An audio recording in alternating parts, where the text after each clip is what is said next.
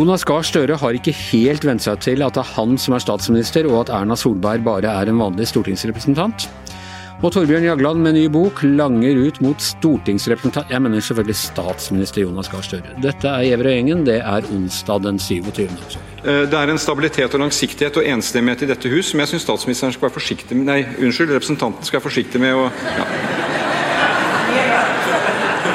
jeg, visste, jeg visste den måtte komme på et eller annet tidspunkt. Jeg syns representanten fra Hordaland, Erna Solberg, skal være varsom.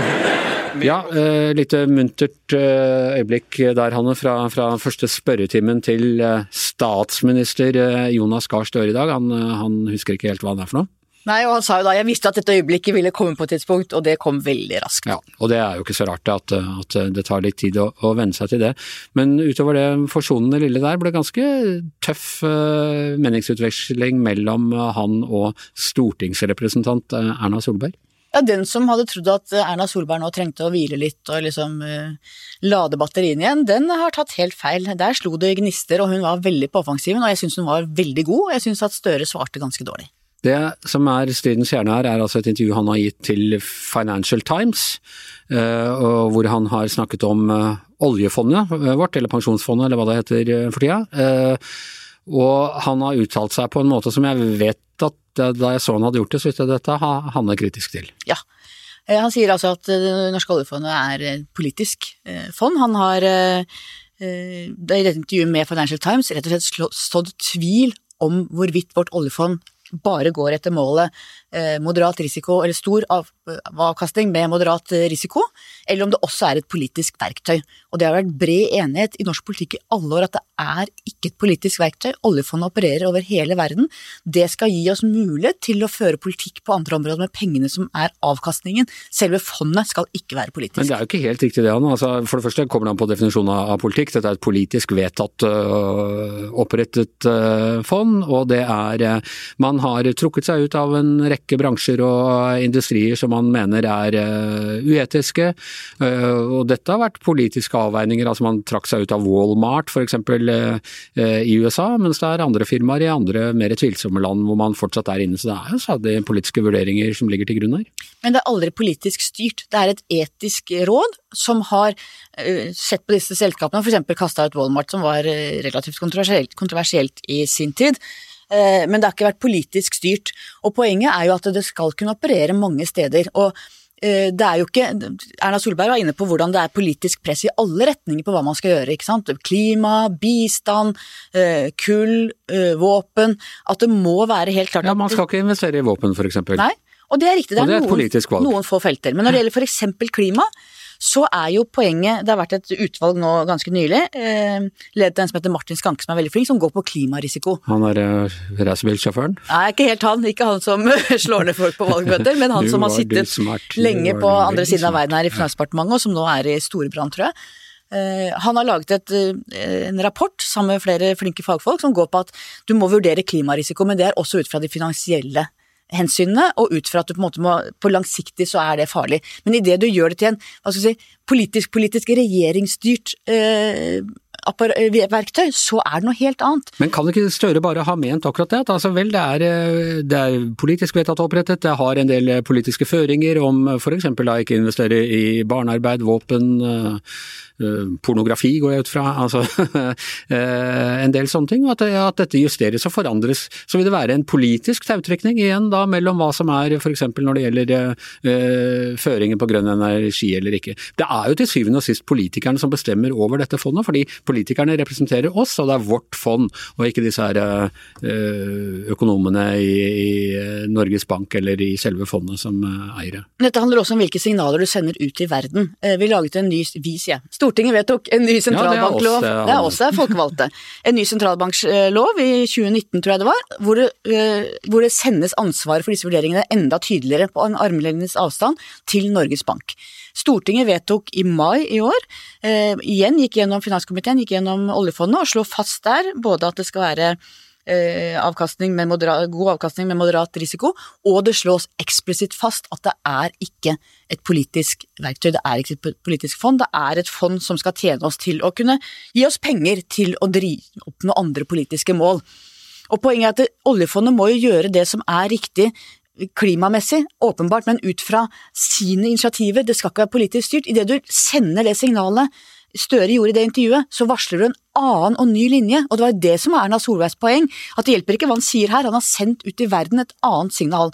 Og Erna Solberg spurte hele tiden hvorfor har de gjort Men, dette? Altså, disse signalene hvorfor sendte man jo da, da, man trakk seg ut av Walmart og sånne ting, og er du sikker på at, uh, at Jagland er uenig Jagland, sier jeg. veit ikke hva Jagland mener du, Anders. Store navnforvirringsdagen.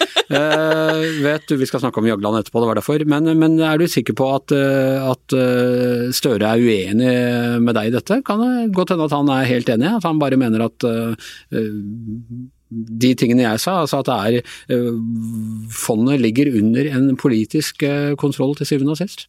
Men politikk handler jo både om hva du sier og hva du gjør, både om retorikk og innhold.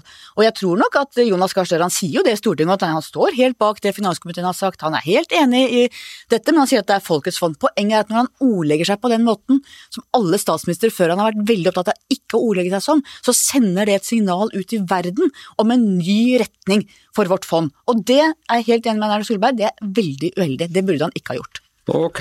Uh, sånn, jeg vet ikke om jeg er helt enig med deg. Men, men det er helt i orden, Anders. men uh, det, er, det, er, gjennom meningsbrytning at, at, uh, at ting skapes.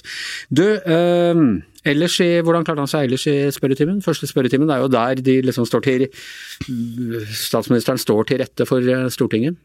Ja, jeg syns det gikk greit, men det er klart at jeg tror både han og andre er fortsatt må venne seg litt til at det faktisk er han som er statsministeren og Erna Solberg som er stortingsrepresentanten. Det tar litt tid, tror jeg, før man får det ordentlig inn. Det var litt skarp Lysbakke nå, en fyr som han satt og forhandla om bare for et par uker siden om å sitte i regjering med.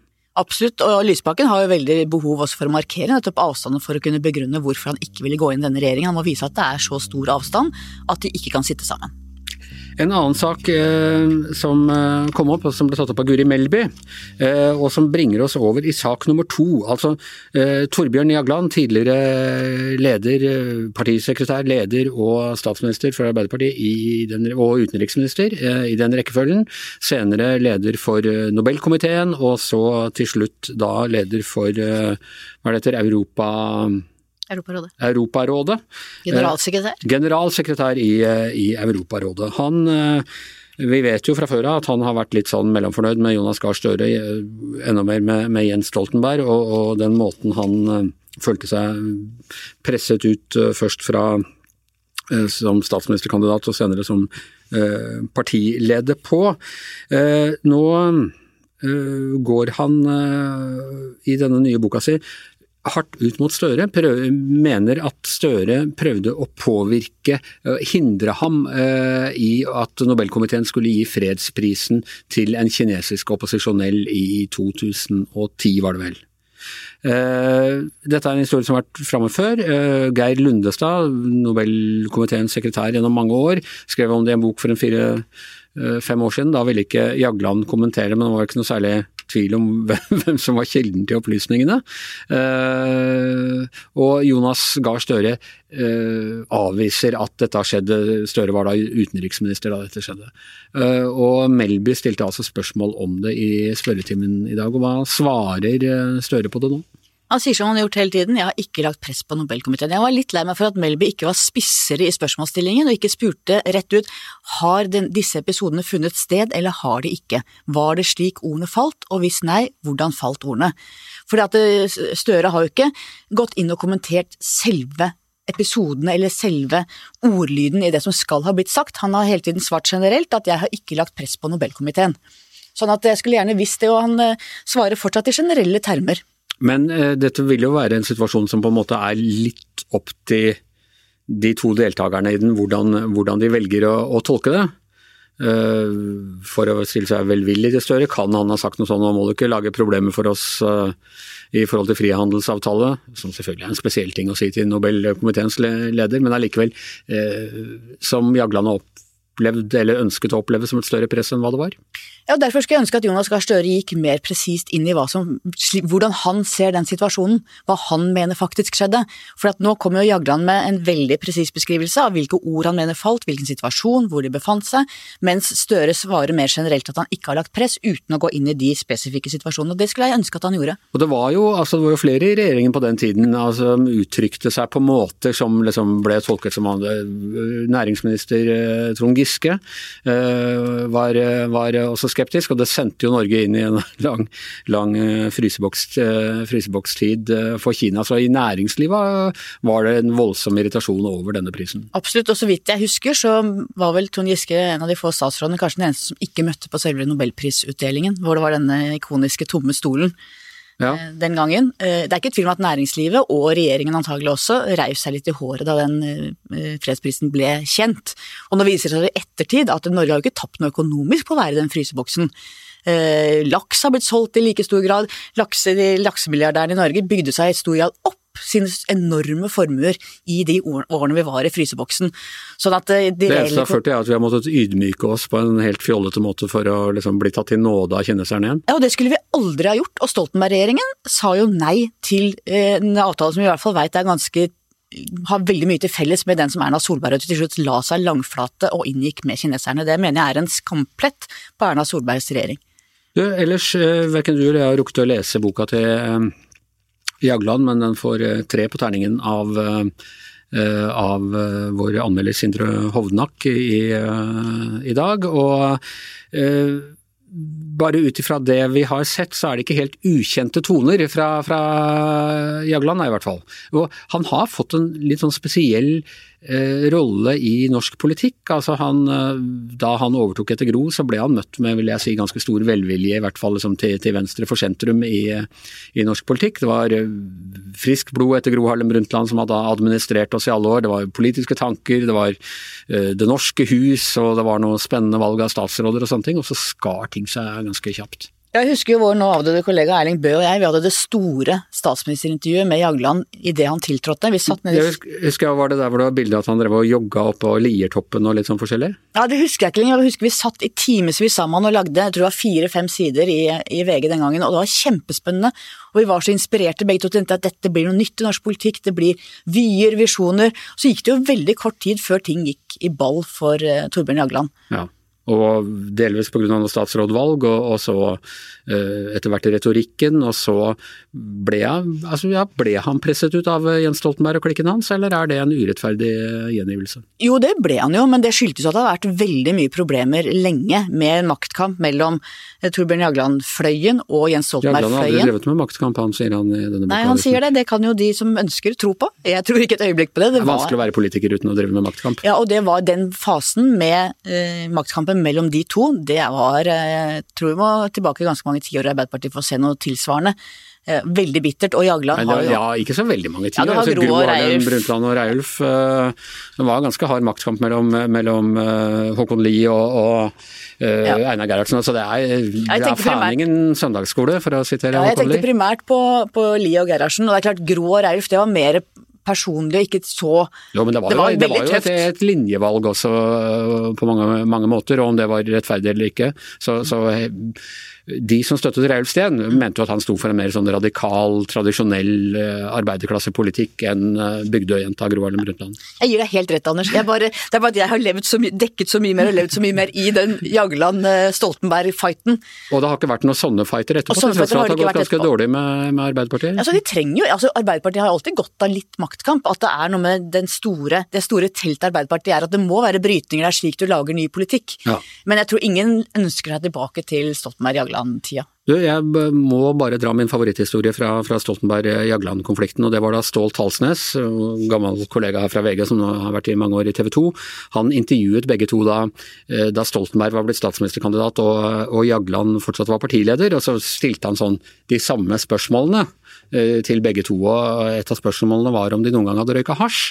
Og så svarer Jens Stoltenberg at det er en sånn type spørsmål han ikke syns politikere og offentlige personer skal trenge eh, å svare på, fordi det går inn i privatsfæren og ungdomstiden og, og sånne ting som er lagt ut om ganske godt sånn prinsipiell begrunnelse for ikke å svare på det spørsmålet. Så sier Jagland at ja, jeg kan si at jeg har aldri gjort det. jeg tror denne episoden gir et veldig godt bilde av forholdet mellom de to gjennom mange år. Yes, og det har åpenbart ikke blitt noe særlig bedre. Han er jo veldig kritisk til, til eh, Stoltenberg også som Nato-generalsekretær, etter, etter, hva jeg og han, og han stemte til og med på SV i protest, skriver han i boka, i protest mot uh, Libya-bombingen, uh, som da uh, Stoltenberg-regjeringen var med på. Uten Ja, la ham problematisere vel, men, men altså, SV satt jo også i den regjeringa, så det er en litt rar form for protest. Jeg tror kanskje at det var vel så mye en protest mot Jens Stoltenberg. Jeg får litt inntrykk av det. Altså. Men, men det som er litt trist med Hagan, er at han må jo være en av Norges mest bitre eh, ekspolitikere eller politikere.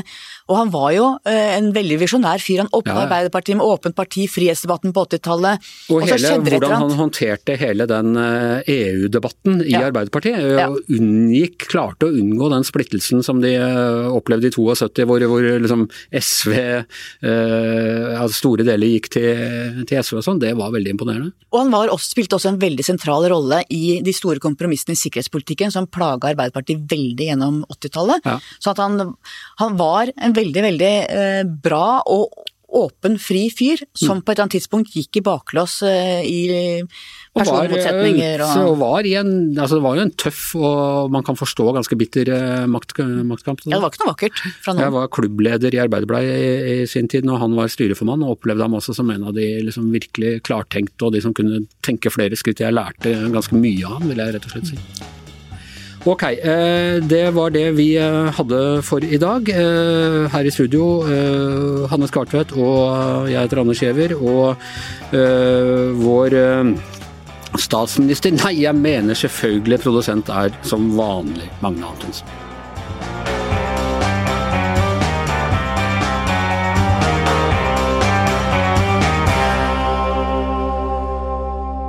Du har hørt en podkast fra VG.